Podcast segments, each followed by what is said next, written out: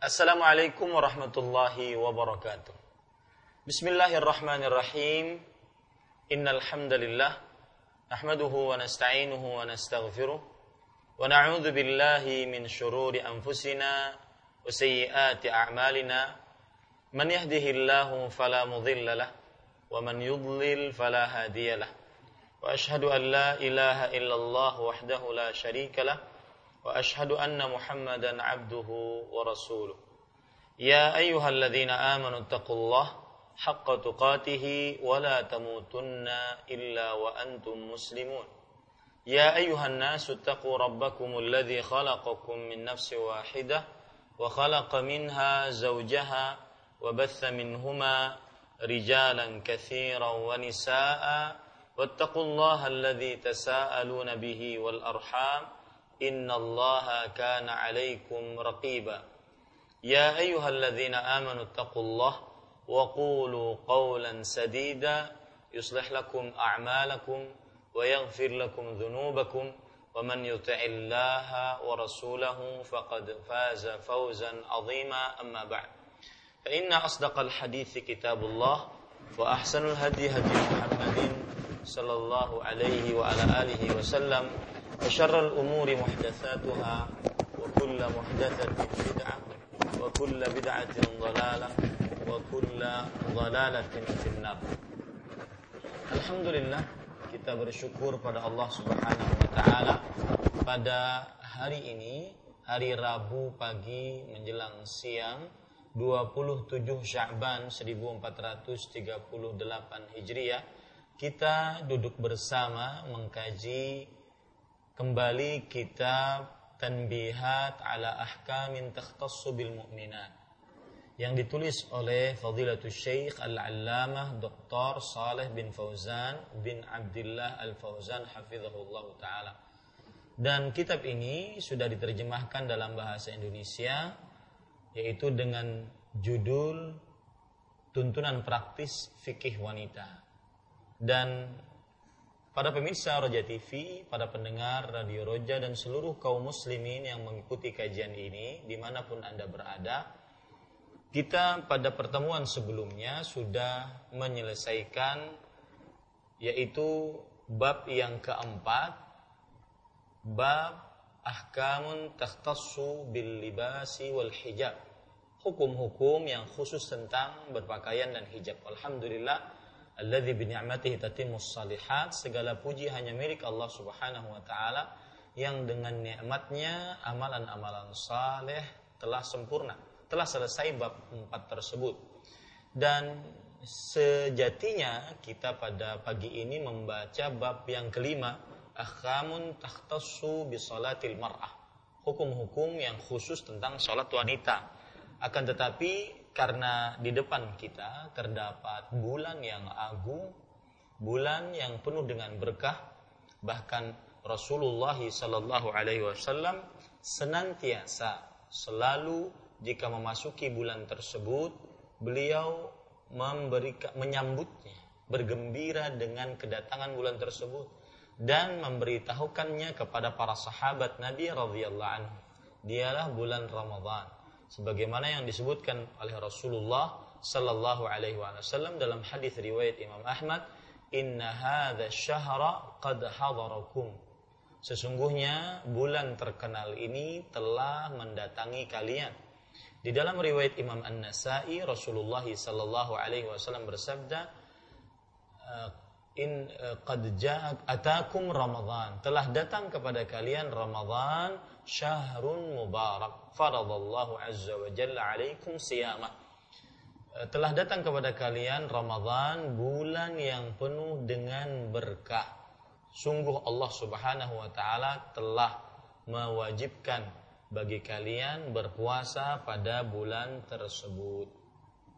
Oleh karenanya para pemirsa Roja TV dan para pendengar Radio Roja dan seluruh kaum muslimin yang mengikuti kajian kali ini, kita pada kesempatan kali ini meloncat dari bab yang aturan bab kelima kepada bab yang ketujuh yang mempunyai buku terjemahannya tuntunan praktis fikih wanita. Maka silahkan buka halaman 121 Ya, penulis hafizahullah taala berkata ahkamun takhtassu bil mar'ati fi babis siyam hukum-hukum yang khusus tentang puasa bagi wanita para pemirsa yang dirahmati oleh Allah Subhanahu wa taala di sini disebutkan hukum-hukum yang khusus tentang puasa Para pemirsa yang dirahmati oleh Allah Subhanahu wa taala, puasa pengertiannya secara bahasa adalah al-imsak, menahan. Sebagaimana yang dikatakan oleh Ibnu Manzur di dalam kitabnya Lisanul Arab. Beliau mengatakan as-saumu fil lughah al-imsaku 'ani syai' wa tarku lahu. Menahan dari sesuatu dan meninggalkan sesuatu tersebut. Ini secara istilah secara bahasa. Sebagaimana firman Allah dalam surat Maryam ayat 26, "Inni nazartu lirrahmani sauman." Allah mengabarkan tentang perkataan Maryam alaihissalam, sesungguhnya aku bernazar mewajibkan atas diriku sendiri sesuatu yang belum diwajibkan oleh Allah untuk Allah yang maha pengasih sauman. Sauman artinya menahan. Menahan apa? Falan ukallimal yauma insiya. Maka aku tidak akan berbicara, tidak akan pernah berbicara kepada seorang manusia pun pada hari ini. Ini sekali lagi menunjukkan puasa yang dalam bahasa Arabnya adalah as-saum atau as-siyam, dua-duanya sama dan kata kerjanya soma, yasumu, sauman, siyaman. Puasa artinya secara bahasa adalah al-imsaku 'ani syai' wa tarku meninggalkan sesuatu atau menahan dari sesuatu. Adapun puasa secara istilah syariat adalah sebagaimana yang disebutkan oleh Al-Jurjani dalam kitabnya At-Ta'rifat Begitu juga disebutkan di dalam kitab uh, Al-Misbahul Munir oleh Al-Fayyumi bahwa puasa secara istilah syariat adalah ibaratun an imsakin makhsus. Ungkapan ungkapan untuk menahan hal-hal yang khusus. Jadi puasa adalah ungkapan untuk menahan hal-hal yang khusus. Apa itu hal-hal yang khusus? Wahwal eh, imsaku anil akli wasyurbi wal jima'i minas subhi ilal maghribi ma'an niyah. Yaitu menahan dari makan, minum, dan berjima' dari subuh sampai maghrib disertai dengan niat.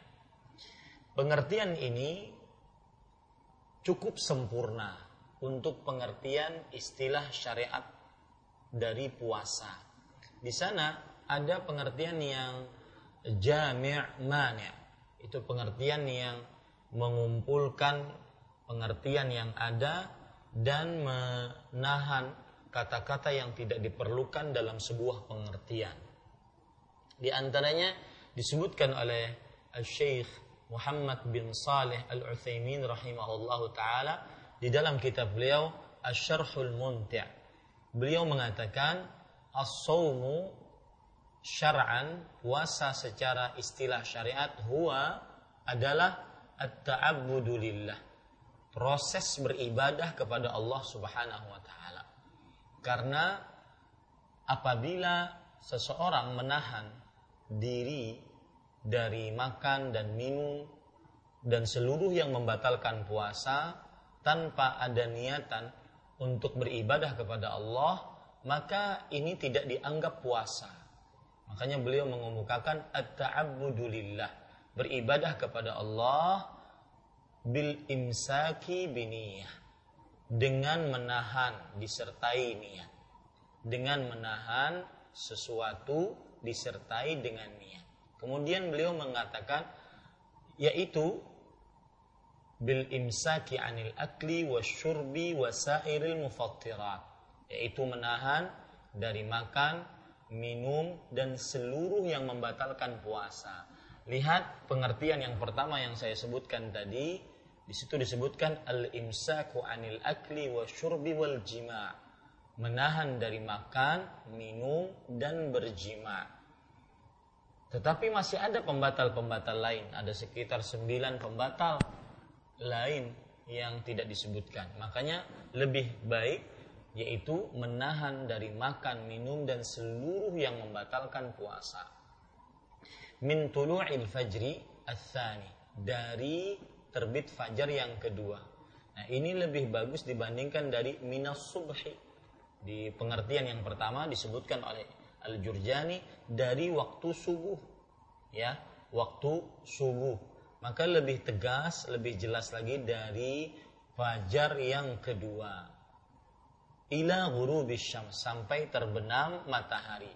Di pengertian yang pertama yaitu sampai maghrib. Sama sebenarnya maknanya akan tetapi yang menjadi ukuran adalah terbenamnya matahari. Min syakhsin maksus wa bisyurutin maksusah. Dikerjakan oleh seorang yang khusus karena tidak semua diperbolehkan untuk berpuasa tidak semua diwajibkan untuk berpuasa dan tidak semua sah untuk berpuasa. Makanya dengan dari dilakukan oleh seorang yang khusus bi syurutin makhsusah dengan syarat-syarat yang khusus pula. Ini pengertian yang jami' mani' mencukup e, mencakup seluruh kata-kata yang diperlukan dalam pengertian puasa dan menahan kata-kata yang tidak diperlukan dalam pengertian puasa. Saya ulangi, uh, puasa adalah dan ini penting sekali mengerti tentang definisi puasa. Karena pengertian puasa itu harus kita pahami baik-baik disebabkan karena kita ingin berpuasa sehingga kita bisa mengamalkan puasa tersebut dengan baik dan maksimal at-ta'abbudu lillahi bil imsaki biniyah. Beribadah kepada Allah dengan menahan disertai niat. Yaitu anil akli wa syurbi wa sairil mufattirat min tulu'il fajri thani ila ghurubi syams min syakhsin makhsus bi syurutin makhsusah yaitu menahan makan, minum dan seluruh yang membatalkan puasa dari mulai terbit fajar kedua sampai terbenam matahari dilakukan oleh seorang yang khusus dengan syarat-syarat yang khusus. E, disebutkan dalam pengertian tadi yaitu dari terbit fajar kedua. Para ikhwah yang dirahmati oleh Allah Subhanahu wa taala ketahuilah baik-baik bahwa waktu e, fajar itu dibagi menjadi dua. Sebagaimana dalam hadis riwayat Imam Ibnu Khuzaim, Ibnu Khuzaimah. Al-fajru fajran. Fajar itu ada dua macam. Fajrun yahrumu eh, fajrun yahillu fihi ta'am wa tahrumu fihi salah. Fajar yang halal makan di dalamnya dan haram sholat subuh di dalamnya. Ini fajar yang jenis pertama itu fajar yang masih dibolehkan untuk bersahur. Fajar yang kedua fajrun yahtahillu fihi salah wa yahrumu fihi ta'am. Fajar yang dihalalkan sholat di dalamnya dan diharamkan berpuasa. Dihala, diharamkan untuk makan. Maksud saya seperti itu. Diharamkan untuk makan sahur karena sudah habis waktu bersahur, sudah masuk waktu fajar. Maka disebutkan di sini fajar yang kedua, yaitu fajar yang disebut dengan fajar sadiq oleh para ulama rahimahumullahu taala. Baik. Itu kira-kira pengertian tentang puasa. Jadi penulis di sini mengatakan hukum-hukum yang khusus tentang puasa bagi wanita. Uh, kalau kita buka pengertian hukum, apa itu hukum? Ya, disebutkan di dalam perkataan para ulama usul fikih bahwa hukum para ikhwan yang dirahmati oleh Allah Subhanahu wa taala khitabullah taala bi af'alil mukallafin iqtida'an atau takhiran atau wad'an. Yaitu hukum adalah redaksi Allah Subhanahu wa taala yang berkaitan dengan perbuatan orang-orang yang dibebani untuk ibadah baik secara pelaksanaan, pemilihan ataupun peletakan. Ya, jadi dia adalah redaksi dari Allah, baik itu perintah, baik itu larangan yang berkaitan dengan perbuatan-perbuatan hamba-hamba yang dibebani tanggung jawab untuk beribadah atau yang disebut dengan al-mukallafin. Baik dilakukan secara pelaksanaannya langsung ataupun boleh dipilih eh, perintah-perintah tersebut atau yang berkaitan dengan uh, sah atau tidak sahnya sebuah transaksi. Para pemirsa yang dirahmati oleh Allah Subhanahu wa taala berarti ketika kita katakan penulis mengatakan di sini hukum-hukum yang khusus berarti uh, redaksi-redaksi yang berkaitan dengan para makhluk dan hamba-hamba Allah yang khusus tentang puasa bagi wanita. Baik. Kemudian para pemirsa yang dirahmati oleh Allah Subhanahu wa taala penulis hafizahullah taala berkata Saumu syahri Ramadan wajibun ala kulli muslimin wa muslimah. Adapun puasa pada bulan Ramadan merupakan kewajiban bagi setiap muslim dan muslimah. Kewajiban ini menunjukkan penulis sekarang sedang menyebutkan tentang hukum berpuasa. Ya beliau mengatakan di sini hukum berpuasa hukumnya wajib. Puasa Ramadan hukumnya wajib bagi setiap muslim dan muslimah di sini ingin kita tekankan kata-kata puasa pada bulan Ramadan para ikhwan yang dirahmati oleh Allah eh, poin yang pertama yang ingin saya tekankan adalah Kenapa bulan Ramadan dinamakan Ramadan? Ya, kenapa bulan Ramadan dinamakan Ramadan? Maka jawabannya para pemirsa yang dirahmati oleh Allah Subhanahu wa taala, kalau kita buka kamus ya, besar bahasa Arab ada beberapa pendapat dikatakan oleh para ulama. Eh, sebagian mereka mengatakan li'annahu ghaliban ma yusadifu zaman ar-ramdha wa huwa alladhi yashtaddu fihi al-har fi jaziratil arab karena Ramadan dinamakan Ramadan karena kebanyakan bulan tersebut uh, bertepatan dengan waktu ar-ramdha waktu ramdha dan waktu ramdha adalah waktu yang panasnya di musim itu sangat panas di jazirah Arab. Di kebanyakan bulan Ramadan didapati pada waktu Ramza. Ramza adalah waktu yang panas di dalam waktu tersebut sangat panas di jazirah Arab. Jadi disamakan ar-ramd yaitu syiddatul har, panas yang sangat panas. Ini para ikhwan yang dirahmati oleh Allah, Subhanahu wa taala.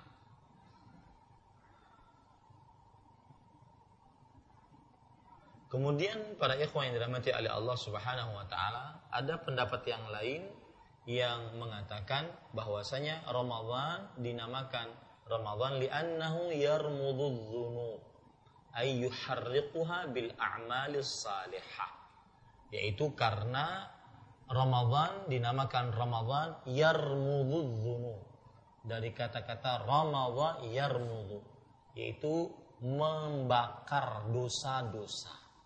Karena di dalam bulan Ramadan orang banyak lebih banyak beribadah, lebih banyak mendekatkan diri kepada Allah Subhanahu wa taala.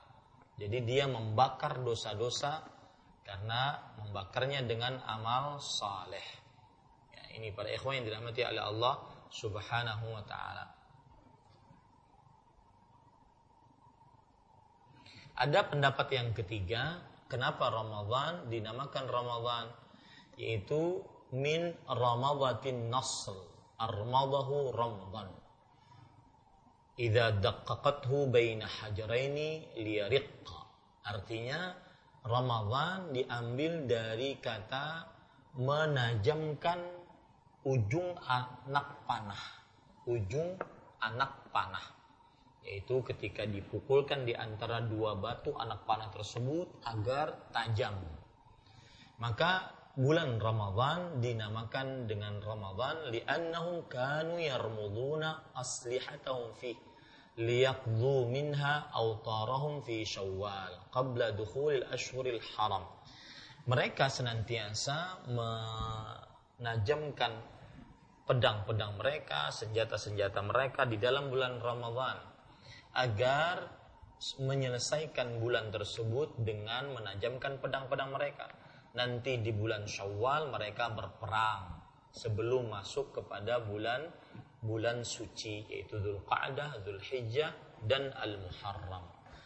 Ini semua adalah perkataan-perkataan yang disebutkan oleh para ulama terdahulu terutama bahasa kenapa puasa eh, Ramadan dinamakan Ramadan. Saya ulangi, Ramadan dinamakan Ramadan karena yang pertama adalah bulan tersebut kebanyakan terjadi pada musim panas yang sangat panas di Jazirah Arab. Yang kedua, Ramadan dinamakan Ramadan karena bulan tersebut eh, dosa-dosa dibakar, dicuci dengan amal-amal saleh yang banyak dikerjakan di dalam Ramadan. Dan pendapat yang ketiga yaitu karena orang-orang Arab dahulu mereka menajamkan pedang-pedang mereka, anak-anak panah mereka, agar nanti di bulan Syawal mereka berperang sebelum masuk bulan suci, yaitu sebelum masuk bulan Dzulqa'dah, Dzulhijjah dan Al-Muharram. Baik. Ini penekanan pertama pada kata bulan Ramadan. Kemudian ada penekanan yang kedua, yaitu bahwa sebagian orang mengatakan tidak boleh menyebut Ramadan, tapi harus pakai syahru Ramadan bulan Ramadan. Harus pakai ada bulan. Ya, karena sebagian mengatakan bahwa Ramadan itu adalah nama Allah. Akan tetapi pendapat ini dibantah oleh para ulama di antaranya dari dahulu ulama abad ke-7 Hijriah yaitu Imam Nawawi rahimahullahu taala mengatakan bahwa boleh untuk menyebutkan Ramadan dengan nama Ramadan ya tanpa harus disebutkan bulan padanya.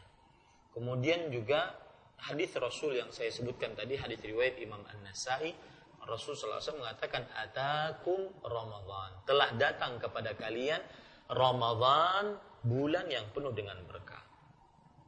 Kemudian para pemirsa Raja TV dan seluruh kaum muslimin yang mengikuti kajian ini, uh, poin yang ketiga yang berkaitan dengan kata Ramadan, adapun puasa pada bulan Ramadan, ya. Uh, pada bulan Ramadan merupakan kewajiban bagi setiap muslim dan muslimah. Para pemirsa yang dirahmati oleh Allah Subhanahu wa taala, kewajiban puasa Ramadan itu mempunyai uh, periode periode periode. Artinya tahapan-tahapan kewajiban puasa Ramadan kalau kita lihat sejarah Islam ada beberapa periode minimal ada tiga periode. Periode pertama yaitu uh, di awal-awal disyariatkannya puasa Ramadan, maka seorang muslim berhak untuk memilih dia mau puasa atau tidak. Kalau dia puasa berarti dia puasa. Kalau tidak maka dia membayar fidyah. Di setiap hari yang dia tidak berpuasa, dia beri makan kepada seorang miskin.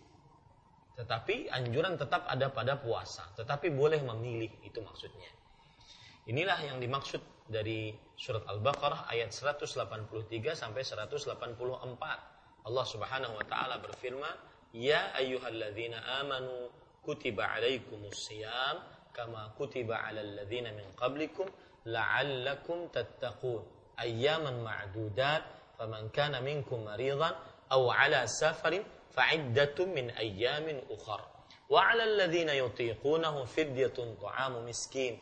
Faman tatawwa'a khairan fahuwa khairul lah wa an tasumu khairul lakum in kuntum ta'lamun.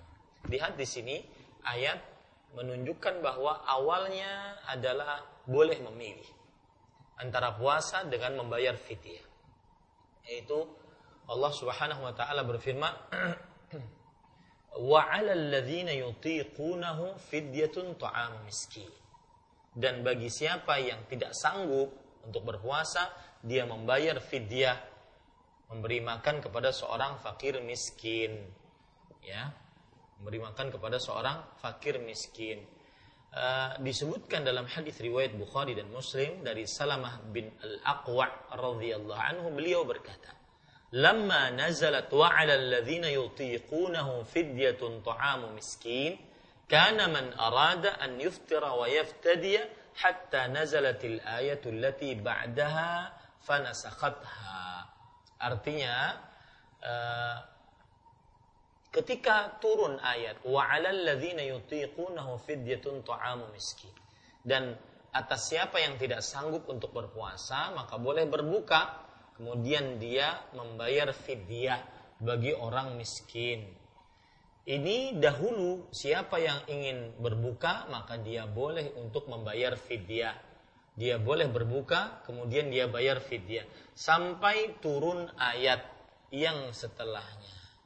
Kemudian ayat yang setelahnya tersebut adalah menghapuskannya. Ayat yang setelahnya menghapuskannya itu surat Al-Baqarah ayat 185 yaitu Allah berfirman faman syahida minkum syahra falyasumhu. Barang siapa yang kalian menyaksikan bulan Ramadan maka berpuasalah. Jadi awalnya sekali lagi periode pertama puasa Ramadan itu boleh memilih antara puasa dengan antara membayar fidyah. Disebutkan dalam hadis riwayat Imam Muslim Salamah bin Al-Aqwa radhiyallahu anhu berkata, "Kunna fi Ramadan ala ahdi Rasulillah sallallahu alaihi wasallam. Man syaa'a sama wa man syaa'a aftar faftada bi ta'amin mis bi ta'ami miskin hatta unzilat hadhihi al-ayah faman syahida minkum syahra falyasumhu." Kata Salamah bin Al-Aqwa, kami di dalam bulan Ramadan di zaman Rasulullah Sallallahu Alaihi Wasallam ada yang siapa yang ingin berkehendak puasa maka dipersilahkan untuk berpuasa. Siapa yang ingin berbuka maka dipersilahkan untuk berbuka. E, kemudian dia membayar fidyah, memberi makan kepada seorang fakir miskin sampai turun ayat yaitu barang siapa yang barang siapa yang menyaksikan bulan Ramadan maka hendaklah dia berpuasa. Ini periode pertama. Periode yang kedua yaitu diwajibkan puasa Ramadan. Gak boleh milih lagi. Diwajibkan puasa Ramadan, tidak boleh memilih lagi. Itu Allah Subhanahu wa taala berfirman, "Faman syahida minkum syahra falyasumhu." Barang siapa yang dari kalian menyaksikan bulan, maka hendaklah dia berpuasa pada bulan tersebut. Nah, tetapi meskipun diwajibkan berpuasa tapi ada hukum tersendiri. Disebutkan oleh Imam Al-Qayyim dalam kitab beliau Zadul Ma'ad bahwa lakin kana as-saimu idza nama qabla an yat'am haruma alaihi at-ta'amu wasyarabu ila al-lailil ila al-lailatil qabilah. Akan tetapi kalau seandainya orang yang berpuasa tadi tertidur sebelum dia berbuka tertidur sebelum dia berbuka maka diharamkan atasnya makan, minum sampai kepada malam selanjutnya. Saya beri contoh misalkan, sekarang ini jam 10 jam 9 pagi waktu Indonesia Barat ya. Kemudian kita berpuasa sampai maghrib, sampai terbenam matahari. Ternyata pas terbenam matahari saya ketiduran. Maka pada kalau ketiduran tidak boleh saya berbuka. Ya, terus sholat maghrib, sholat isya, kemudian taraweh terus saja nggak boleh makan, nggak boleh minum, nggak boleh bersetubuh. Sampai waktu sahur juga tidak bersahur sampai kepada besok ya malam. Baru berbuka. Nah itu adalah periode kedua. Diwajibkan puasa akan tetapi ada penjelasannya. Yaitu jika tertidur sebelum makan maka haram atasnya makanan malam itu dan minuman dan bersetubuh sampai malam selanjutnya. Adapun periode yang ketiga dari puasa Ramadan adalah yaitu diwajibkan puasa dan kewajibannya hanya dari mulai fajar kedua sampai terbenam matahari. Ya, sampai terbenam matahari. Hal ini sebagaimana dijelaskan oleh Allah dalam surat Al-Baqarah ayat 187. Nah, itu beberapa penekanan yang sudah saya tekankan. Ketika kita membaca di dalam buku penulis di sini, adapun puasa pada bulan Ramadan. Saya sudah sebutkan tadi ya uh, makna uh, kenapa Ramadan dinamakan Ramadan. Kemudian saya sudah sebutkan juga uh, bolehkah menyebut Ramadan saja tanpa ada bulan di belakangnya yang ketiga yang barusan kita bicarakan, puasa Ramadan sebenarnya ada tingkatan-tingkatannya.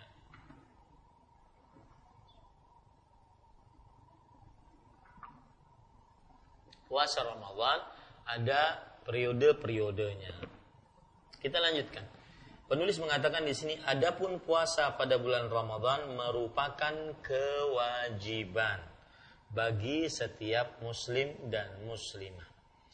Para pemirsa Raja TV dan seluruh kaum muslimin yang mengikuti kajian ini, kewajiban, wajib pengertiannya adalah ma amara bihi syari' ala wajhil ilzam. Sesuatu yang diperintahkan oleh syariat ala wajhil ilzam, yaitu melalui sisi keharusan atau bahasa yang lain ma amara bihi syari'u amran jaziman. Sesuatu yang diperintahkan oleh syariat dengan perintah yang keras yang kuat ya. Ini arti wajib. Maka ketika disebutkan di sini merupakan kewajiban. Berarti dia perintah yang eh, kuat ya. Yang mana kalau e, ditinggalkan ustuhiqqa tariquhu amdan. Kalau ditinggalkan dengan sengaja diancam dengan siksa. Diancam dengan siksa. Kemudian di sini disebutkan bagi setiap muslim dan muslimah. Ya, bagi setiap muslim dan muslimah sebagaimana sudah kita sebutkan pada pengertian puasa min syakhsin maksus dilakukan dari atau oleh orang yang khusus tidak sembarangan ya dan kalau kita perhatikan penulis tidak menyebutkan syarat-syarat puasa. Maka saya tambahkan di sini eh, dari apa yang disebutkan oleh penulis, adapun puasa pada bulan Ramadan merupakan kewajiban. Kewajiban sudah kita jelaskan tadi, yaitu perintah yang sangat ditekankan dan diancam siksa bagi yang meninggalkannya dengan sengaja. Itu perintah ya e, dan kewajiban bagi setiap muslim dan muslimah. Kata-kata dari bagi setiap muslim dan muslimah ini menunjukkan salah satu syarat puasa yang paling utama adalah Islam. Tidak akan diterima puasa seseorang tanpa Islam Bahkan seluruh amal ibadah seseorang tidak akan diterima tanpa Islam. Ini para pemirsa yang dirahmati oleh Allah Subhanahu wa taala. Dalil yang menunjukkan akan syarat Islam ini adalah yaitu surah At-Taubah ayat 54. Allah Subhanahu wa taala berfirman, "Ma wa ma mana'ahum an tuqbala minhum nafaqatuhum illa annahum kafaru billahi wa bi rasulih." Dan tidak ada menahan mereka untuk diterima dari mereka sedekah-sedekah mereka. Kecuali karena mereka kufur terhadap Allah dan Rasulnya. Kufur terhadap Allah dan Rasulnya. Lihat pada ayat ini eh, sedekah tidak terima karena kekufuran. Begitu juga amal tidak terima karena kekufuran. Maka syarat utama puasa adalah Islam dan orang kafir ya mereka akan disiksa karena meninggalkan syariat-syariat Islam karena mereka meninggalkan syariat-syariat Islam Orang kafir akan disiksa. Karena sebenarnya mereka pun diberikan redaksi untuk beriman kepada pokok-pokok ajaran Islam dan juga cabang-cabangnya.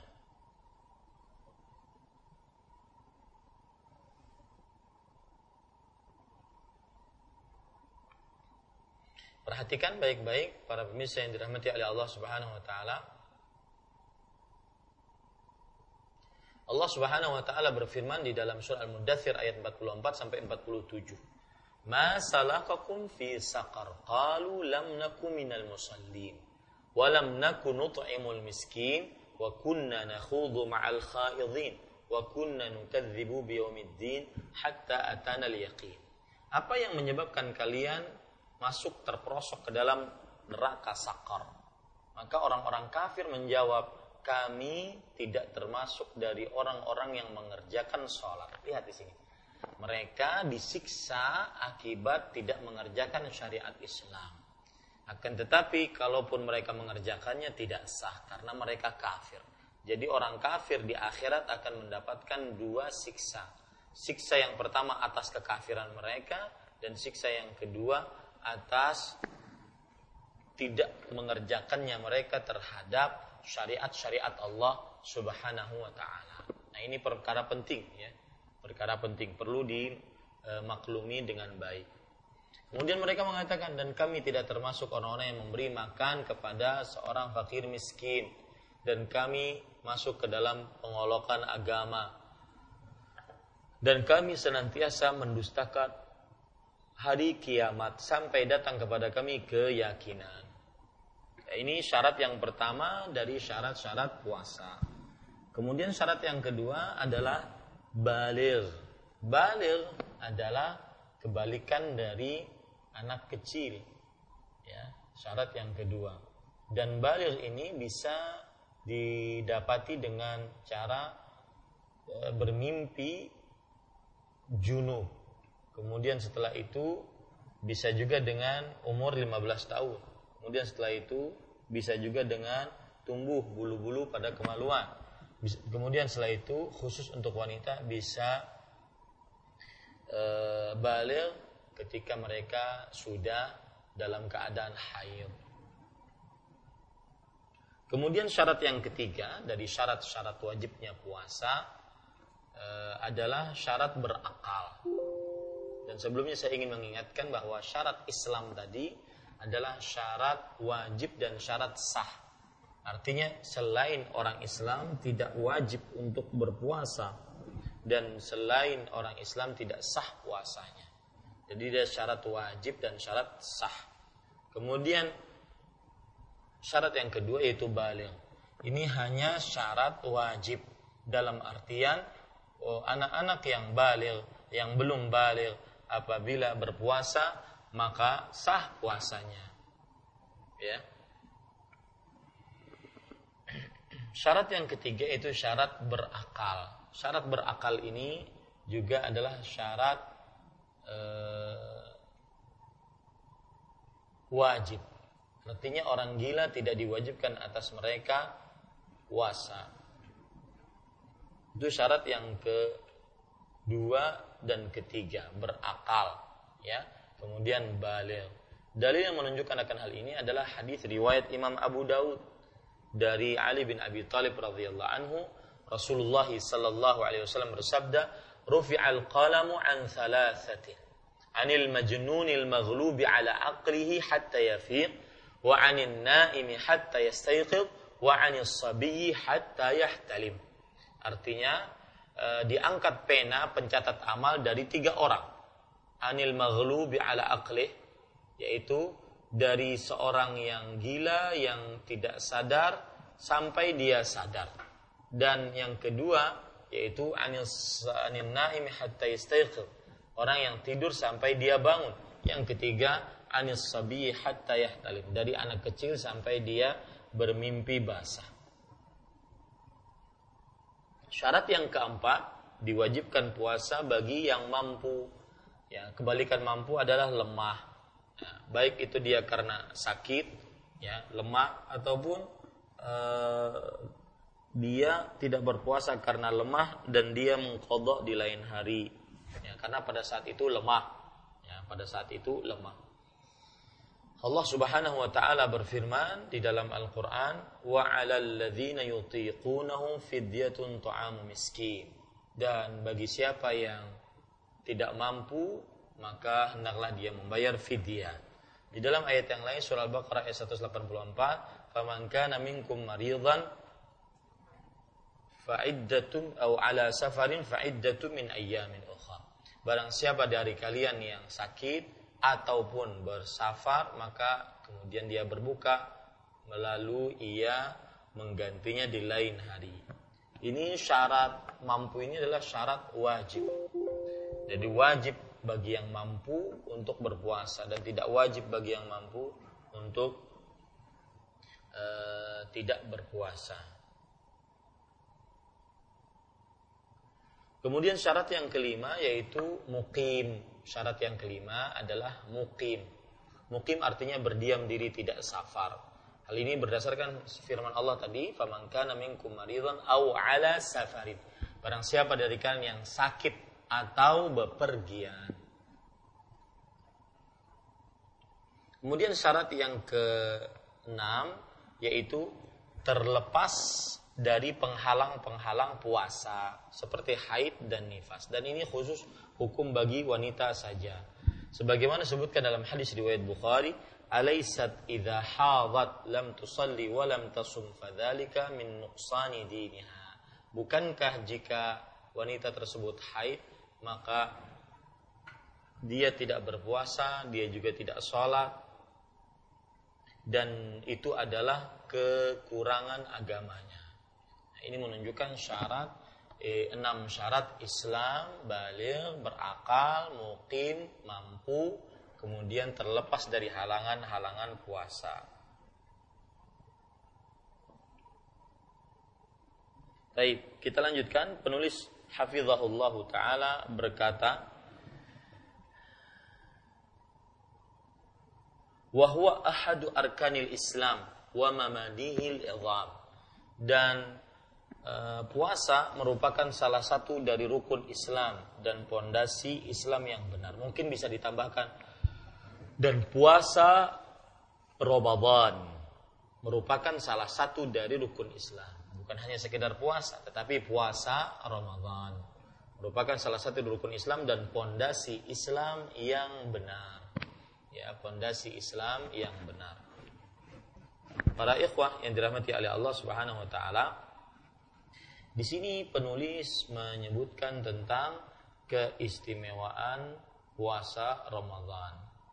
Saya akan sebutkan dulu keistimewaan puasa ya sebelum kita masuk kepada puasa Ramadan. Apa saja keistimewaan puasa? Perhatikan baik-baik Bapak Ibu saudara-saudari yang dimuliakan oleh Allah Subhanahu wa taala.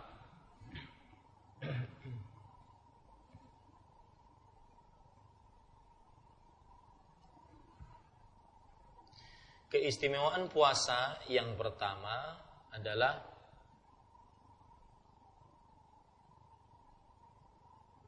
puasa amalan yang dijanjikan oleh Allah ampunan dan pahala yang besar. Puasa adalah amalan yang dijanjikan oleh Allah ampunan dan pahala yang besar. Sebagaimana disebutkan dalam surat Al-Ahzab ayat 35 ayatnya agak panjang dan di situ Allah Subhanahu wa taala menyebutkan sifat-sifat yang mulia. Muslim, mukmin, eh, qanit yaitu ahli ibadah, sadiq yaitu jujur, sabir yaitu sabar, wasaimat dan juga eh, orang-orang yang berpuasa wal hafizina furujahum wal hafizat dan mereka orang-orang yang menjaga kemaluan mereka baik laki-laki ataupun perempuan wadzakirin Allah katsiran wadzakirat dan mereka yang me berzikir kepada Allah dengan banyak laki-laki dan perempuan. A'addallahu lahum maghfiratan wa ajran azima. Allah Subhanahu wa taala Allah Subhanahu wa taala menyediakan bagi mereka pahala yang besar dan ampunan. Menyediakan bagi mereka pahala yang besar dan ampunan. Sesuatu yang diperintahkan oleh syariat dengan perintah yang keras dan orang yang meninggalkannya diancam dengan siksa. Orang yang meninggalkannya dengan sengaja diancam dengan siksa. Kemudian kita sudah bahas juga tadi bagi setiap muslim dan muslimah para pemirsa yang dirahmati oleh Allah Subhanahu wa taala, kita sudah bahas bahwa e, syarat dari puasa ada lima, yaitu syarat dari puasa Islam maka tidak sah dan tidak wajib orang yang kafir untuk berpuasa. Kemudian yang kedua yaitu berakal. Maka tidak sah dan tidak wajib orang yang e, gila untuk berpuasa. Kemudian syarat yang ketiga yaitu balil. Maka tidak e, wajib bagi anak kecil untuk berpuasa. Tetapi jika anak kecil tersebut berpuasa, maka dia sah puasanya. Makanya syarat akal ini adalah syarat wajib saja, bukan syarat sah. Karena apabila anak yang berpuasa maka dia belum balik tetap sah puasanya tetapi tidak wajib atasnya. Syarat yang keempat yaitu mukim maka tidak wajib berpuasa bagi seorang yang bersafar. Tetapi kalau seandainya orang yang bersafar ingin berpuasa tetap sah puasanya. Maka eh, orang yang bersafar semestinya dia tidak diwajibkan untuk berpuasa, boleh berbuka. Ya. Makanya syarat safar ini adalah syarat wajib saja, tidak syarat sah. Kemudian mampu. Mampu maka orang yang tidak mampu seperti orang yang tua renta, orang yang sakit kronis menahun terus-menerus sulit diharapkan kesembuhannya, maka tidak wajib untuk berpuasa ini pun juga syarat wajib. Tapi kalau seandainya ingin berpuasa dan dia sanggup, maka berarti sah puasanya. Maka syarat mampu ini hanya syarat wajib. Kemudian yang ke enam yaitu syarat-syarat puasa adalah terlepas dari larangan-larangan puasa seperti haid dan nifas terlepas dari larangan-larangan puasa seperti haid dan nifas. Itulah enam syarat dari syarat-syarat puasa. Kemudian di sini penulis mengatakan dan puasa merupakan salah satu dari rukun Islam. Seakan-akan di sini penulis ingin berkata kepada kita salah satu keutamaan puasa adalah rukun Islam, salah satu dari rukun Islam. Saya kalau boleh menambahkan dan puasa Ramadan ya karena yang dimaksud puasa Ramadan bukan hanya sekedar puasa dan puasa Ramadan merupakan salah satu dari rukun Islam. Para pemirsa yang dirahmati oleh Allah Subhanahu wa taala, di sini penulis menunjukkan tentang kedudukan puasa dalam Islam. Beliau mengatakan dia adalah rukun Islam.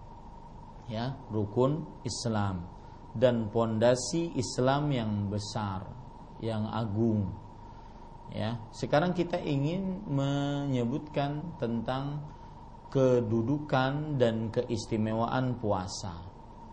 Ya, saya tambahkan dari apa yang disebutkan oleh penulis. Penulis menyebutkan kedudukan puasa adalah salah satu rukun Islam dan pondasi Islam yang benar. Taib, sebelum saya sebutkan tentang kedudukan puasa Ramadan dalam Islam dan juga keistimewaan puasa secara umum dan juga keistimewaan puasa Ramadan secara khusus, maka saya ingin mengingatkan di penghujung kajian ini tentang bahayanya tidak berpuasa di dalam bulan Ramadan. Bahayanya tidak berpuasa di dalam bulan Ramadan. Coba perhatikan para ikhwah yang dirahmati oleh Allah Subhanahu wa taala, eh, bahaya yang pertama tidak berpuasa di dalam bulan Ramadan. Orang yang tidak berpuasa dalam bulan Ramadan berarti dia meninggalkan kewajiban. Meninggalkan kewajiban. Dan orang yang meninggalkan kewajiban dengan sengaja tanpa ada alasan yang dibenarkan oleh syariat berarti dia diancam siksa. Sebagaimana yang sudah kita katakan tadi. Allah berfirman ya ayyuhalladzina amanu kutiba alaikumus siyam kama kutiba alal ladzina min qablikum la'allakum tattaqun. Wahai orang-orang beriman diwajibkan atas kalian berpuasa sebagaimana diwajibkan atas orang-orang sebelum kalian agar kalian bertakwa di dalam ayat yang lain Al-Baqarah 185 Allah berfirman faman syahida minkum syahra falyasumhu barang siapa yang menyaksikan dari kalian bulan tersebut maka berpuasalah ia. Di situ terdapat perintah dan asal hukum perintah adalah wajib. Berarti yang tidak berpuasa Ramadan dengan sengaja tanpa ada alasan yang dibenarkan oleh syariat sesungguhnya dia telah meninggalkan amalan wajib dengan sengaja perintah yang diperintahkan dengan keras dalam syariat dan diancam orang yang meninggalkannya dengan hukuman tertentu. Kemudian buruknya orang yang tidak berpuasa di siang hari bulan Ramadan adalah dia berarti sudah meninggalkan rukun Islam. Meninggalkan rukun Islam. Dan arti rukun ma yatimmu illa bihi. Tidak sempurna kecuali dengannya. Islam seseorang tidak akan sempurna kecuali dengan mengerjakan rukun-rukunnya. Yang tidak puasa Ramadan berarti dia tidak sempurna keislamannya. Dan bagi siapa yang meninggalkan rukun berarti dia telah mengerjakan dosa besar. Ya berarti dia telah mengerjakan dosa besar.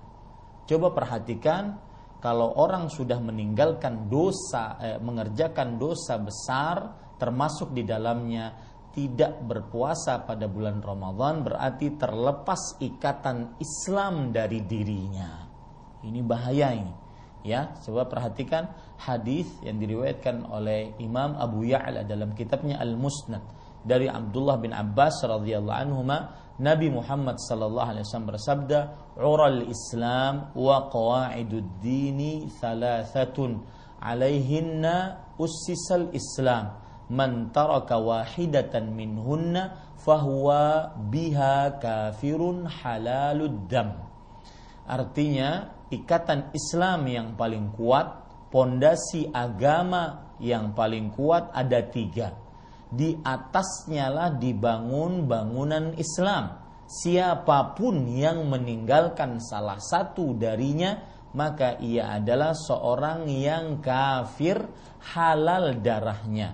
Yang pertama syahadatu alla ilaha illallah, dua mengucapkan dua kalimat syahadat. Yang kedua wassalatul maktubah, salat wajib. Yang ketiga wasaumu Ramadan, dan puasa pada bulan Ramadan. Hadis ini disahihkan oleh Imam Az-Zahabi, dihasankan oleh Imam Al-Haythami dalam kitab beliau Majma'uz Zawaj dan disahihkan oleh Imam Al-Munziri dalam kitab beliau At-Targhib wa Tarhib dan dilemahkan oleh Imam Al-Bani rahimahullahu taala. Dan para ikhwan yang dirahmati oleh Allah Subhanahu wa taala perhatikan perkataan yang sangat tegas, keras, terutama bagi yang meninggalkan puasa Ramadan dengan sengaja. Disebutkan oleh Imam Az-Zahabi rahimahullah dalam kitab beliau Al-Kabair. Beliau mengatakan wa indal mu'minina muqarrarun anna man taraka sawma ramadhana bila maradin wala gharadin ay bila uzrin yubihu dhalik annahu syarrun minaz zani wa mudminil khamr bal yashukkuna fi islamihi wa yadhunnuna bihi zandaqatu inhilal menurut orang-orang beriman telah ditetapkan bahwa siapa saja yang meninggalkan puasa Ramadan tanpa ada sakit, tanpa ada tujuan, yaitu tanpa ada uzur alasan yang membolehkan akan hal itu, maka ia berarti lebih buruk dari seorang pezina, dari seorang yang kecanduan minuman keras Bahkan orang-orang beriman meragukan tentang keislamannya dan mengira dia adalah orang yang di dalam dirinya ada sifat zindiq dan sifat ateis. Ini bahayanya orang yang ber, e, meninggalkan puasa Ramadan dengan sengaja. Coba perhatikan lagi e, ancaman bagi siapa yang berbuka puasa di siang hari Ramadan dengan sengaja tanpa ada alasan syar'i. Hadis diriwayatkan oleh Imam Ibnu Khuzaimah dan Imam Ibnu Hibban dari Abu Umamah Al-Bahili radhiyallahu anhu. Beliau berkata, "Sami'tu Rasulullah sallallahu alaihi wasallam yaqul, baina ana naimun." Ketika aku sedang tidur, id atani rajulan maka datanglah dua malaikat dan mimpinya seorang nabi adalah wahyu. Fa'akhadha bi Maka beliau mengambil lenganku. Kedua malaikat tersebut. Fa'ataya bi jabalan wa'ira. Maka kedua-duanya membawaku kepada sebuah gunung yang sangat besar dan tinggi. Faqala lalu kedua malaikat tersebut berkata, "Is'ad. Panjatlah. Panjatlah ataupun naiklah. Ya fakultu inni la utiquhu. Lalu aku menjawab aku sesungguhnya tidak sesungguhnya aku tidak sanggup untuk menaikinya faqala inna sanusahiluhu lak. Kemudian kedua malaikat tersebut berkata sesungguhnya kami akan memudahkan engkau untuk itu. Lihat di sini terdapat pelajaran seakan-akan dua malaikat ini ingin mengabarkan perkara yang penting. Sampai perkara naik gunung pun akan dibantu oleh dua malaikat tersebut. Fasa'idtu hatta idza kuntu fi sawa'il jabal idza bi aswatin syadidah. Maka aku pun naik sampai ketika aku di puncak gunung ternyata terdapat suara-suara yang meraung-raung kesakitan. Qultu ma hadhil aswat Aku pun berkata, suara-suara apakah ini? Qalu hadza awa'u ahli nar. Ini adalah raungan kesakitannya penghuni neraka. Thumman talaqa bi. Kemudian kedua malaikat tersebut membawaku. Fa'idha ana biqaumin mu'alliqina bi'araqibihim. Ternyata aku melihat orang-orang yang digantung dengan urqub mereka. Urqub artinya al-asab alladhi fawqa muakhirati qadamir rajul, yaitu sebuah urat atau tulang yang berada di atas tumit seorang kaki manusia. Jadi Anda lihat tumit Anda di atasnya itu ada semacam tulang. Nah, mereka ini digantung dengan urqub mereka. Ya, musyaqqaqatan asdaquhum dan bibir-bibir mereka ditarik bibir-bibir mereka dari ujung kanan dan ujung kiri ditarik ke belakang ya kemudian setelah itu mereka digantung jadi kaki mereka ditarik ke atas digantung kemudian bibir mereka pun ditarik ke atas digantung tasilu asdaqu asdaquhum daman maka dari bibir-bibir mereka tersebut mengalir darah. Qultu man haula? Lalu aku bertanya, siapakah mereka? Qala haula illadzina yuftiruna qabla tahillata saumihim. Mereka lah orang-orang yang berbuka sebelum waktu halal berbuka puasa mereka. Hadis ini disahihkan oleh Imam Albani rahimahullah di dalam kitab Sahih mawaridul dham'an.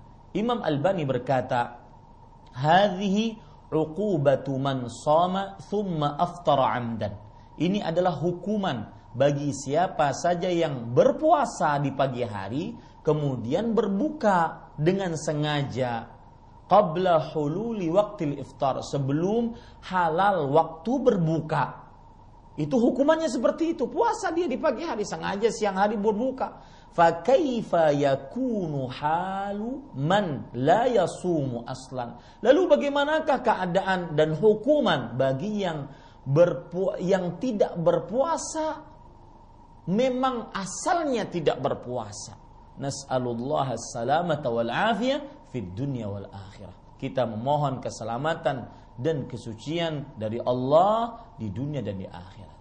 Insya Allah kita lanjutkan pada pertemuan yang akan datang dengan membahas keutamaan dan kedudukan puasa Ramadan di dalam agama Islam. Wallahu alam sallallahu nabi Muhammad walhamdulillahirabbil alamin. Saya berikan acara kembali kepada akhi Ari hafizahullah taala.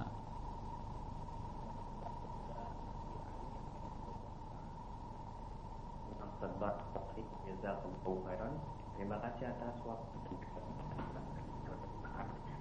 Ustaz telah sampaikan kami kesempatan pagi hari ini.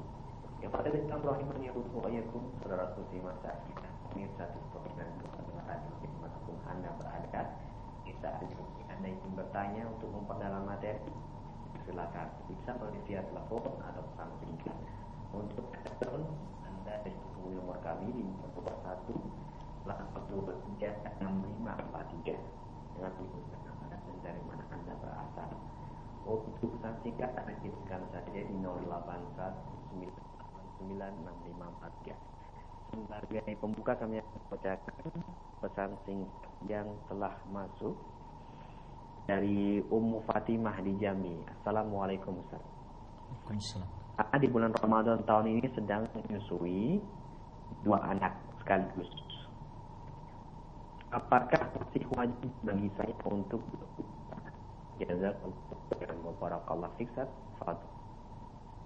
Ya. Bismillah walhamdulillah wassalatu wassalamu ala rasulillah Para pemirsa yang dirahmati oleh Allah Subhanahu wa taala dalam hadis riwayat Imam Tirmidzi Rasulullah sallallahu alaihi wasallam bersabda Inna Allah wada'a anil, masya, anil musafiri syatras salah wa anil musafiri wal hamil wal murdi as-sawm Sesungguhnya Allah membebaskan atas seorang yang bersafar setengah sholatnya makanya boleh mengkosor sholat dan Allah membebaskan atas seorang yang bersafar dan wanita hamil serta menyusui berpuasa. Maka di antara orang-orang yang diperbolehkan untuk berbuka puasa di siang hari bulan Ramadan adalah wanita hamil dan wanita menyusui. Dan apabila wanita hamil dan wanita menyusui ini tidak berpuasa maka terjadi perbedaan pendapat di antara para ulama apa yang harus mereka lakukan. Pendapat yang pertama, pendapat jumhur ulama mengatakan bahwa mereka bisa membayar fidyah atau bisa mengkodok dengan rincian sebagai berikut, yaitu apabila wanita hamil dan wanita menyusui ini takut terhadap dirinya karena kalau dia hamil atau menyusui tidak sanggup maka takut terhadap dirinya maka dia berarti wajib mengkodok wajib mengkodok di lain hari akan tetapi apabila dia tidak takut terhadap dirinya dia hanya takut terhadap janinnya nanti jangan-jangan kekurangan asupan makanan ataupun terhadap bayinya jangan-jangan asinya kurang sedangkan dia merasa kuat maka ini berarti dia takut terhadap bayinya. Maka dia berarti membayar fidyah, yaitu setiap hari yang dia tidak berpuasa berarti dia mengeluarkan makanan pokok sekitar 1,5 kg beras atau diberikan kepada seorang fakir miskin makanan siap santap satu piring satu hari satu piring. Uh, Adapun kalau seandainya seorang ibu yang hamil dan menyusui ini takut terhadap dirinya sendiri, kemudian juga takut terhadap janinnya, jadi dua-duanya takut, maka dia membayar e, mengkodok puasa Ramadan plus membayar fidyah. Ini pendapat pertama, pendapat jumhur. Sedangkan pendapat yang kedua, sebagian ulama mengatakan bahwa dia adalah mengkodok saja karena hukumnya seperti orang yang sakit akut sakit sementara kemudian setelah itu sembuh dan nanti dia bisa mengkodok di lain hari ataupun dia juga bisa disamakan hukumnya dengan seorang musafir karena dalam hadis riwayat Imam Tirmidzi tadi sesungguhnya Allah membebaskan dari seorang musafir dan wanita haid eh, wanita hamil dan menyusui puasa. Ini menunjukkan dalil penggandengan antara hukum orang musafir dengan hukum wanita hamil dan menyusui sama. Ini pendapat yang kedua, hanya mengkodok kalau wanita hamil dan menyusui tidak berpuasa. Pendapat yang ketiga yaitu membayar fidyah. Sebagaimana pendapat dari Abdullah bin Umar radhiyallahu anhu, Abdullah bin Abbas yaitu membayar fidyah kalau seandainya wanita yang hamil dan menyusui ini tidak bisa puasa, lalu berbuka dan dia bayar fidyah, yaitu setengah sa, 1,5 kg makanan pokok atau diberikan kepada fakir miskin makanan siap saji satu piringnya setiap hari yang ia tidak berpuasa. E, pendapat yang paling kuat dan saya lebih condong kepadanya yaitu pendapat Syekh Muhammad bin Salih Al Utsaimin rahimahullahu taala bahwa wanita yang hamil dan menyusui itu dikategorikan sebagai seorang yang sakit akut, sakit mendadak dan bisa sembuh pada kesempatan lain atau hukumnya sama dengan seorang yang sedang bersafar. Artinya nanti dia mengkodok di lain hari.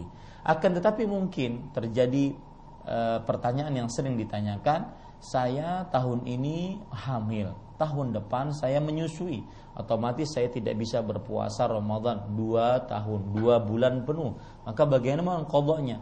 Tahun depannya lagi saya hamil lagi, tahun depannya lagi saya menyusui. Bagaimana ini? Maka jawabannya para pemirsa yang dirahmati oleh Allah Subhanahu wa taala tetap kita katakan saya lebih condong kepada pendapat yang mengatakan mengkodok puasa Ramadan. Mungkin ustadz-ustadz lain mereka ada yang condong membayar fidyah atau ada yang condong pada pendapat jumhur, maka silahkan ambil pendapat yang lebih kuat sesuai dengan dalil menurut yang dia kuatkan, ya. Karena ini permasalahan khilaf mu'tabar, khilaf yang sudah uh, diakui oleh para ulama dari mulai semenjak dahulu. Maka saya lebih condong kepada pendapat yaitu mengkodok puasa, mengkodok puasa dan dia bisa saja mengkodok puasa dengan cara yang pertama adalah bagi wanita yang hamil dan menyusui sebenarnya tidak serta merta dia langsung untuk tidak berpuasa. Artinya tidak wajib dia berbuka. Kalau mau berbuka silahkan. Berarti dia sebenarnya tetap diwajibkan untuk berpuasa. Maka berusahalah berpuasa bagi wanita yang hamil dan menyusui kalau benar-benar memang tidak sanggup, baru setelah itu dia berbuka. Atau dia mengira dirinya tidak sanggup, maka boleh dia berbuka.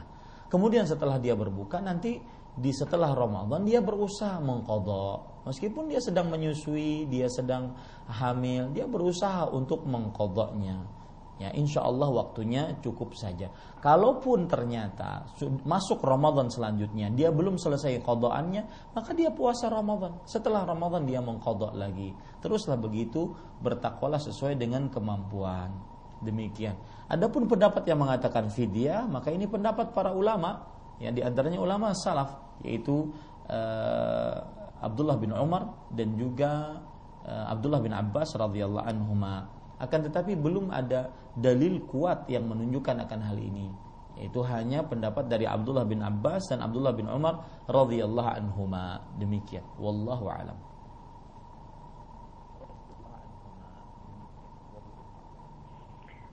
Syukran Siksa terima kasih atas jawabannya semoga bermanfaat untuk kita terima di kesempatan kali ini selanjutnya kami akan mempersilahkan anda yang sudah mencoba untuk menghubungi kami di telepon di 0218236543. Kami angkat sekarang belum tersambung. kami persilahkan Anda bisa menghubungi nomor kami 0218236543. Halo. Terputus. Tapi di 0218236543 lihat silahkan. Halo. Waalaikumsalam warahmatullah. Mohon maaf Ibu, uh, dikecilkan terlebih dahulu uh, volume TV-nya Ibu. Dikecilkan, Ibu cukup mendengar melalui gagang telepon saja. Sudah? Ustaz, saya mau tanya Ustaz. Ya, dan Ibu siapa di mana ini? Ini saya Ibu Cahya di Karang Tengah Ustaz. Silakan Ibu. Saya mau tanya Ustaz, uh, mungkin menyimpang tapi nanti nanya uh, kalau uh, duha itu jadi kayak wajib setiap hari dilakukan Ustaz itu bagaimana terus juga setiap kali saya puasa setiap kali saya sholat Ustaz saya selalu terbayang apa yang Ustaz katakan di sini misalnya dari jembatan sirot Ustaz saya takut sekali itu Baik, terus jadi iya jadi mau memicu saya untuk selalu ibadah Ustaz. Ini Ustaz tentang puasa. Maaf.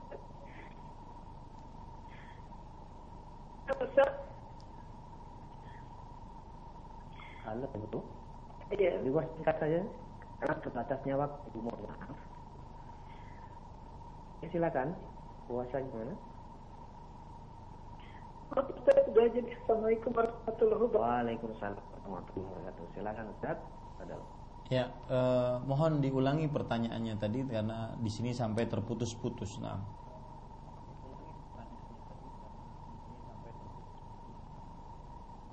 Baik, pertanyaan dari Ibu Haji tadi berkaitan dengan Ustadz bagaimana dengan sholat duha yang dilakukan setiap hari sehingga seperti wajib.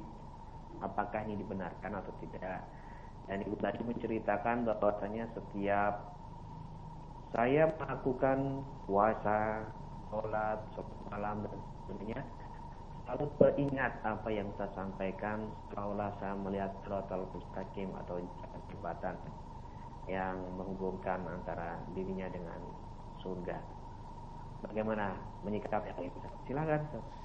Bismillah walhamdulillah wassalatu wassalamu ala rasulillah Para pemirsa yang dirahmati oleh Allah subhanahu wa ta'ala eh, Yang pertama adalah hukum sholat duha Hukumnya sunnah dan tidak wajib. Tetapi apabila seseorang mengerjakan sholat duha setiap hari Maka tidak dikatakan dia mengerjakan amalan wajib. Karena dia mengerjakan amalan sunnah. Dan boleh saja seseorang mengerjakan sholat duha setiap harinya. Karena dianjurkan oleh Rasulullah Sallallahu Alaihi wa ala alihi Wasallam. Dan bahkan ini termasuk wasiat Rasulullah Sallallahu Alaihi Wasallam kepada Abu Hurairah radhiyallahu anhu agar tidak meninggalkannya selama hidup beliau.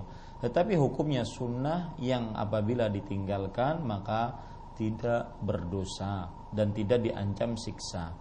Meskipun seorang tersebut senantiasa mengerjakannya setiap hari, maka tidak dikatakan wajib. Kecuali kalau dia meyakini bahwa itu wajib, maka ini keliru. Ya, karena sholat sunnah, e, sholat duha adalah hukumnya sunnah, artinya dianjurkan. Yang arti sunnah ataupun istihbab ataupun mandub semuanya sama itu sunnah, mustahab, mandub, ya nafilah semuanya sama. Yang artinya adalah ma amara bihi syari' amran jaziman amran ghaira jazim uh, sesuatu yang diperintahkan oleh syariat yang dengan perintah yang tidak keras atau tidak kuat ya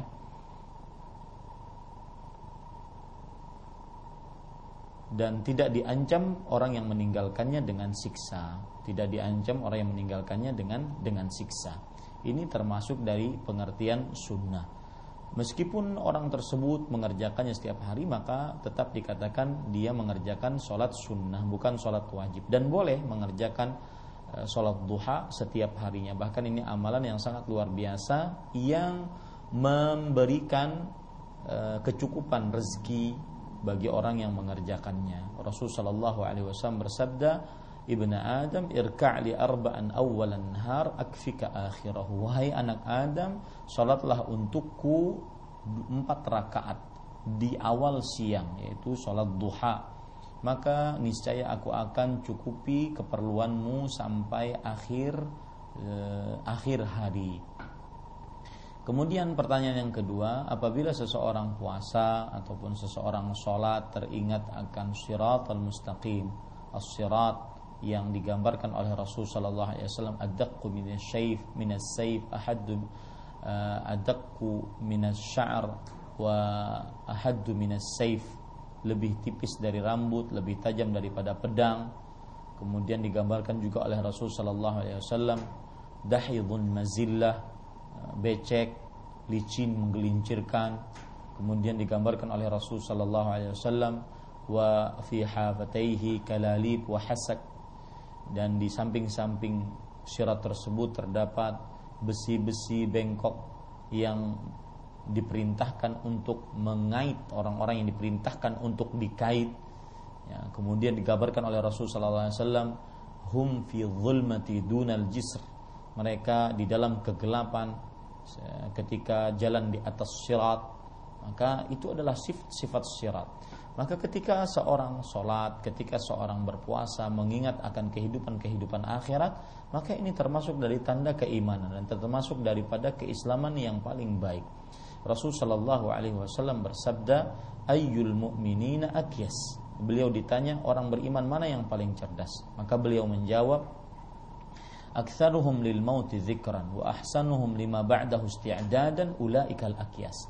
Orang yang paling banyak mengingat kematian adalah orang yang beriman yang paling cerdas dan orang yang paling baik persiapannya setelah kematian. Uh, maka saya katakan beruntunglah ibu yang bertanya tadi apabila senantiasa mengingat akan kehidupan akhirat bagaimana fase-fase di akhirat dari mulai sakaratul maut, pencabutan nyawa, kemudian ruh, kemudian alam barzah, kemudian pertanyaan di dalam kubur, kemudian siksa atau nikmat kubur, kemudian hari kebangkitan, kemudian setelah itu eh, padang mahsyar, kemudian diberikan buku catatan amal, kemudian setelah itu eh, timbangan, kemudian setelah itu telaga Nabi Muhammad sallallahu alaihi wasallam kemudian setelah itu berjalan di atas sirat kemudian surga ataupun neraka. Maka bersyukurlah ketika seseorang senantiasa memikirkan akan hal-hal tersebut. Karena itu petunjuk dari Allah Subhanahu wa taala.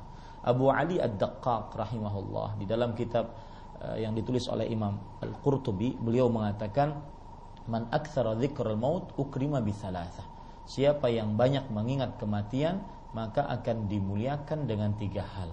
Yang pertama yaitu ta'jilut taubah, bersegera bertaubat. Yang kedua qana'atul qalb, yaitu puas hati atas pemberian Allah, tidak mudah mengeluh, menggerutu.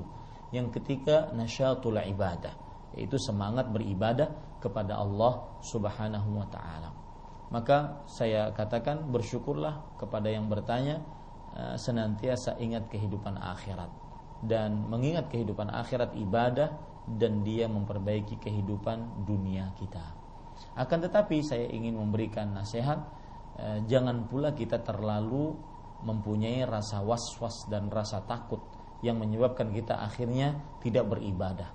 Merasa takut terlalu berlebihan yang menyebabkan akhirnya tidak punya rasa harap terhadap Allah Subhanahu wa taala. Karena hidup seorang manusia sebagai hamba Allah harus di antara dua sayap sebagaimana sayap burung. Burung kalau punya sayap dia tidak satu sayap dia tidak akan bisa terbang.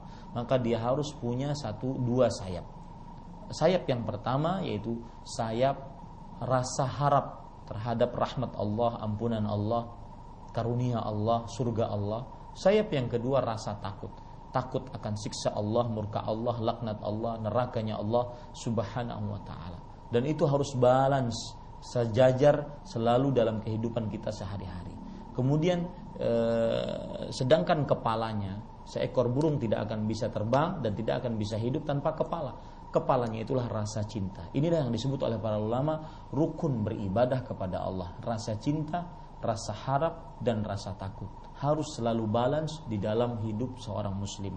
Demikian ini yang bisa saya sampaikan pada kesempatan kali ini dan karena insya Allah taala kita akan memasuki bulan Ramadan maka saya Ahmad Zainuddin Al-Banjari dari studio dakwah sunnah.com di kota Banjarmasin mengucapkan kepada kaum muslimin selamat datang Ramadan bulan penuh berkah 1438 Hijriah bagi kaum muslimin dan seluruh umat Islam di mana pun anda berada.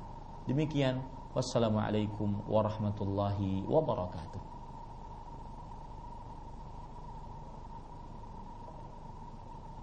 Waalaikumsalam